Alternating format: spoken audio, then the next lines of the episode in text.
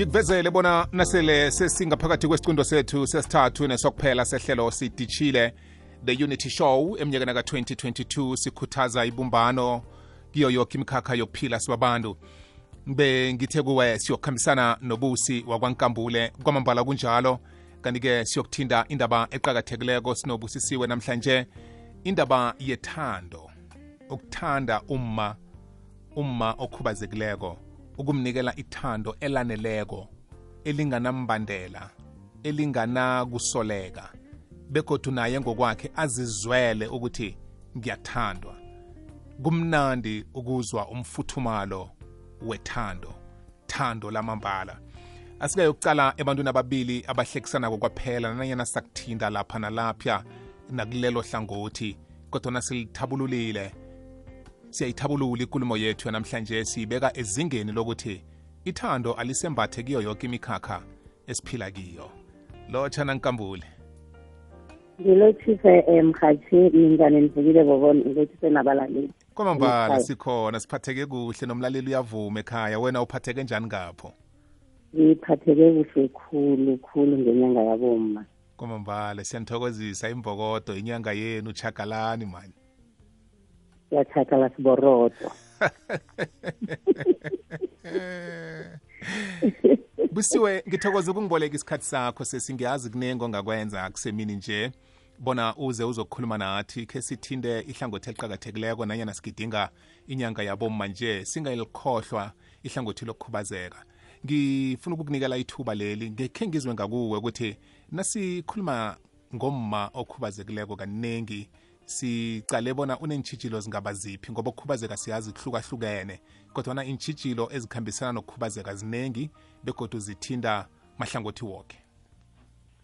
Ngithokoze mkhathi engingathoma ngokukutsho ukuthi yena sibomma abakhubazekile sihlangabezana neentshijilo eziningi kangangokuthi endabeni khulukhulu yethando siyalithoga ithando elaneleko kulaba esihlekisana nabo nakubobaba thina esele esitshadileko ithando siyalithoda kangangokuthi yana ubaba ugcina anenhloni ngawe angafuni nokuhamba nawe endaweni lapho kubonakala khona woke umuntu endaweni entolo akakhona ukuhamba nawe kulezo ndawo lezo. Kuphela nje ukwazi lokha nawe ngikhaya kuphela. So siyalithoga ngendlela erarako ithando siyibomama abakhubazekile. Ngoba-ke uthola ukuthi omunye uyakuthanda net for imali lakho le yesibonelelo esitholako kuhulumende omunye uze agcine alibambile nekarata lakho abatsho nokutsho ukuthi yena kazi ungakhohlwa ukuthi ngikwenzela i-favor ngokuthi yena ngithandane nawe. So kulokho uyokubekezelela nanyana yini azoyitsho nanyana yini azoyenza. Omunye angabe eze nomunye umuntu ahlekisana naye oseqadi ongakakhubazeki. So bese wena kubiza ukuthi kosithule ngoba nakho phela ukhubazekile. So uncenga ukuthi nokho nami kuthiwe nginomuntu. Sidluleke lapho. Yeah yeah masidlula lapho singenelele nangaphakathi emndenini. Ngoba-ke manginje number one ngivela emndenini angisho nginomndeni. And then nomndeni loya ungidinga ithando. Number one mumuntu wami ungidingile ithando. Sengifika nala ekhaya la ngibelethwa khona.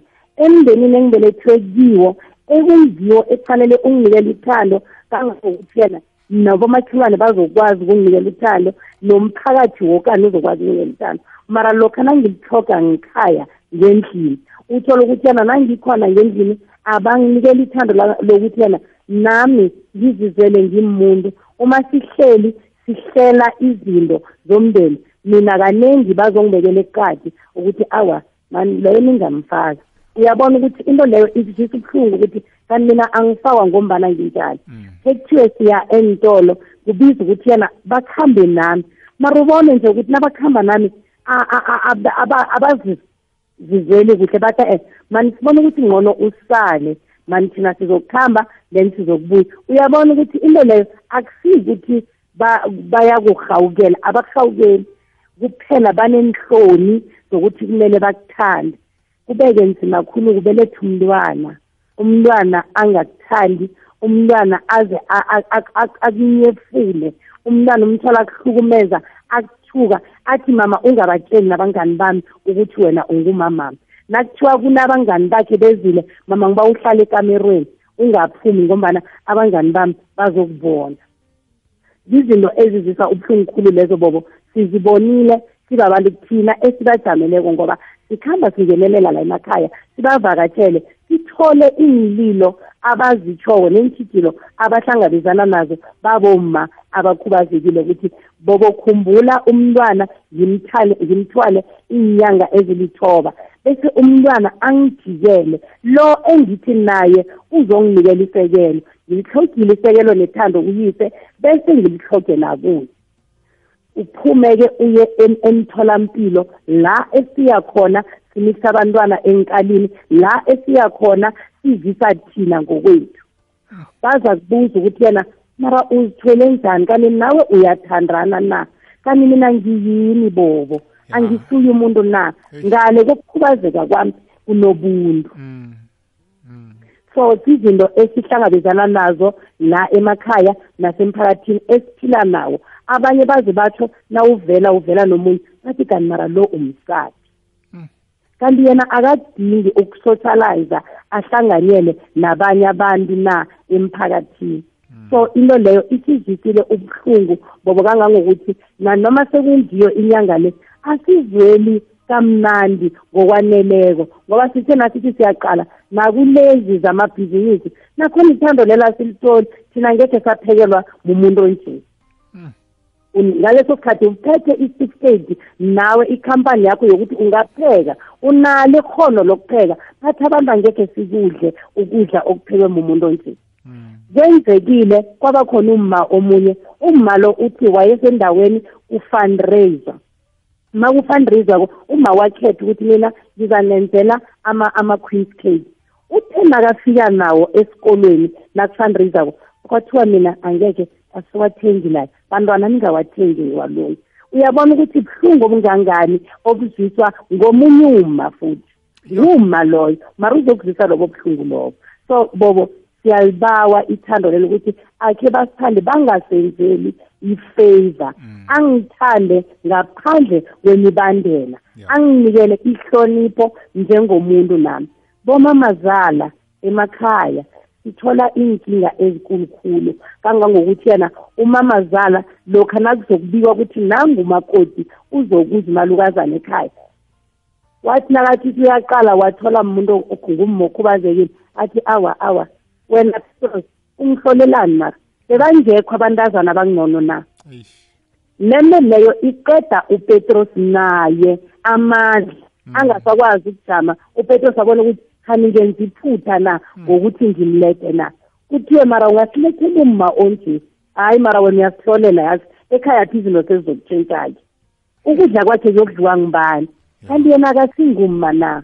Naye unando bobo ikhono lokupheka sinalo ikhono lokungathanyela sinalo ikhono lokwenza izinto zonke ezenziwa boma nathi siyalidinga ithando. Elaneleko. Ithando engeke libe nembandela ungabi nenhloni ngami. Uthi nanyana emberegweni akho kubiziwe kunemberego kuthiwa yizwani nabonakweni wena ubhalele kuhamba nami. Hamba nami ungazise ayitshela ukuthi lo ngumma kwami ungalitsho nangenhlonini. Uthi lo ngumma kwami ulitsho ligcwale umlomo. Okhombisa ukuthi wenzani uyamthanda.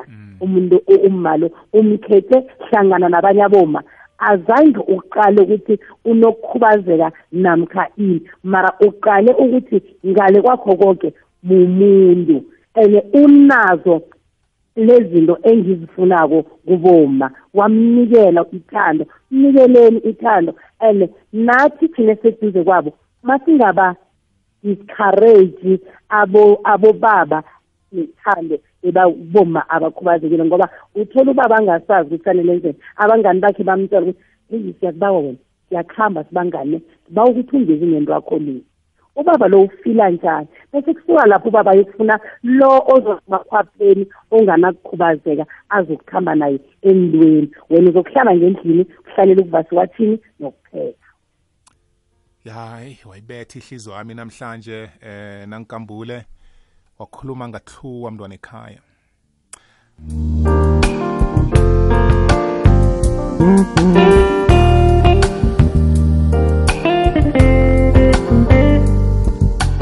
Kungakho ilanga langomvulo silikhethe laba yi-love monday lilanga lethando sikhuthaza ithando sikhuthaza ukusekelana bakwethu. Nankambule ngibawa sithinte ihlangothi lensiza ngoba ukukhubazeka kwethu akusisekutheni sekunjalo kwaphela kodwa na uthola omunye ahloga isitulo sokuhamba omunye uhloga ama-crushes um hearing aid njalo njalo. Kuningi nje okukhona okudingwa umuntu okhubazekileko. Umma ekhaya i-wheelchair yakhe soloko kwafakwa isibawo eklinika namkha esibhedlela. Sisemjejeni ayitholakali ayifiki kodwana sikhona simndeni ithando lethu liqakatheke kangangani ukuthi hayi man asingasoloko silinde yoke into kurhulumente akha sikhambeni siyomthengela i-wheelchair abe ne-wheelchair emfaneleko akwazi ukuhlala kuhle akwazi ukuyisebenzisa kuhle ngoba nayo ngokwayo i-wheelchair le nakuthi seyiphelile seyiyidala igcina seyiyinto emlimazako nayo ngokwayo. Ngithokoze bobo. Iphuzu lakho lelo likhulukhulu bobo. Likhulu kangangokuthi yana yazi sekungaze kusukume umuntu ovela le eqadi le kwamakhelwane. Ngikhona ngimndeni ngililunga lomndeni ngaphakathi ekhaya. Ngibereka ngibereka kuhle. Ibile benginawo amakhono ukuthi kuneminyango engingayingena ngiyikhulise so that umuntu loya welunga lomndeni ekhaya akwazi ukuthi ahelebheke kodwana akwenzeki lokho boko kunokuthi kwenzeke bazalokhu bakubuza ukuthi yena kanti ubuyela nini esibhedlela? Ngaleso sikhathi umjeje mude kangangokuthi yazini awazi ukuthi fanele ukuthi awusakhoni nokuphuma ngoba isitulo sokuhamba ivilo lakhona abayisanyakaza lisathini uphenduke-ke ukuthi ukhubazeke ukudlula bobo ngoba sekubiza ukuthi wenzeni uhlale ngikhaya mangabe kunala otorhatoha khona qala bobo ina amatorho la kuba namatorho kuba nombereko mm, mm. ngiyatorhatorha ngiba nenkinga engihlangabezana nayo isithidelo sokuthi kumele ngithole imbuko zamehlo mm. bobo bakhona abantu emndenini abangakhona ukuthi bahelebhe ukuthi imbuko lezi zitholakale mara zingatholakali and umuntu loyo bobo kwenzakala ngayo emberegweni ugcina angaze aphelelwe mberego loyo itorhwana lelo ngoba lokhu akutholako lapha etorhwaneni akumeli bonyana angaya kubodokotela beqadi. Ngoba-ke kilaba bangaphakathi bakarhulumende uthola ukuthi yena kunale mjeje omude or kunale zinto lezi abazokutshela zona ukuthi um la ngathi kuzokumele uthole ihelebho leli or thina silinda isikhathi esinga akhe ngenze umzekeliso bobo njengomuntu onenkinga yamehlo. Kumele athole imbuko. Kuba nalento ekuthiwa ikungu le i-cataract ngesikhuwa. Mm. i-cataract le bobo uma seyikhona urhulumente uthini? Uthi mina angikwenzi ingakagqwali ilihlo. Bobo nasele igcwele ilihlo sithi angisaboni phela bobo. Kubiza ukuthi kumele ngenzeni ngiye kubodokotela abaseqadi. Mm. ngifika kubodokotela abaseqadi bathini? Bafuna i-twenty thousand yokuthi bangasusa ikungu leya anginayo bobo. Mm. ngiyaphike bobo. Mangifika emndenini yiloyo naloyo uqala eqadi. Awa nama ngengikhona ukuhelebha ngalesi sikhathi bobo sikhona ukuthenga sithenge inyathelo elibiza imali ebabazeka kokhulu. Ngithenge isembatho esibiza imali ebabazeka kokhulu. Mara sibhalele bobo ukuthi ngingahelebha lo umntwana wangikhaya so bobo kubalulekile ukuthi kumele ukuthi sikukhumbule lokuthi asikwenzeni sikwenze kuphume enhliziyweni zethu. Mm. umntana ekhaya loya seangaze alahle cala amagadi umsizile. Uyokwazi ukuthi aqhubeke nokuthi alethe uburojo abantwana bakhona ukudla. Mara na ubhalelwe kumhelebha kuphela netorhanyana lela nalo ubiza icosa ekwenzani ayokuhlala ekhaya. Uzoba sabuthathaphi uburojo ngoba noburojo angekhe wabuletha ukuthi abantwana bakhe badle. Ya ngoba uma singajubhula lapha ebhayibhelini kusamuel second samuel chapter 9 ivesi laka 3 kulala inkosi yakhuluma khona yathi ngubani engingamenzela umusa na? Engingayokuhlala naye ngidle naye ngimenzele umusa. Uthi udavide nakakhulumako uthi endlini kajonathan ikhona indodana. Bathi abanaye indodana le yile yenyonga yenyonga. Okuthi ukuthi kade anganani kade angananyawo akhubazekile uthi inkosi nayikhuluma iphendulayo ngifuna yena loyo. So kangangani thina simndeni sibhalelwe ukwenzela ilunga lomndeni ethu umusa ekubeni inkosi yakwazi ukuthi yenzele umuntu umusa okhubazekileko. Donekhaya ngiba ukuyingezelela ikulumo ivezako leyo ngokuthi umthetho omkhulu ikosi elotshwa makholwa woke ephasini. Yathi umthetho ongaphezulu kwawo woke engininikela wona lithando. Nawukhone ukugcina umthetho wethando uzokhona ukugcina na yonke imithetho eminye elandelako ngoba yonke uzabe uyenza ngethando. Nto nekhaya namhlanje ukhulume ekuzwakele ngiyazi ukuthi bakhona bafuna ukuthintana nawe na uchaphulukileko ungasinikela indlela otholakala ngayo? Ngithokoze bobo. Inomboro engitholakala kizo 076 063 8101 sibuyelele 076 063 8101 nonekhaya uzima kwandisele la uthethe khona yazo thokoze ba thokozile. Kubusisiwe wakwankambule besikhambisana naye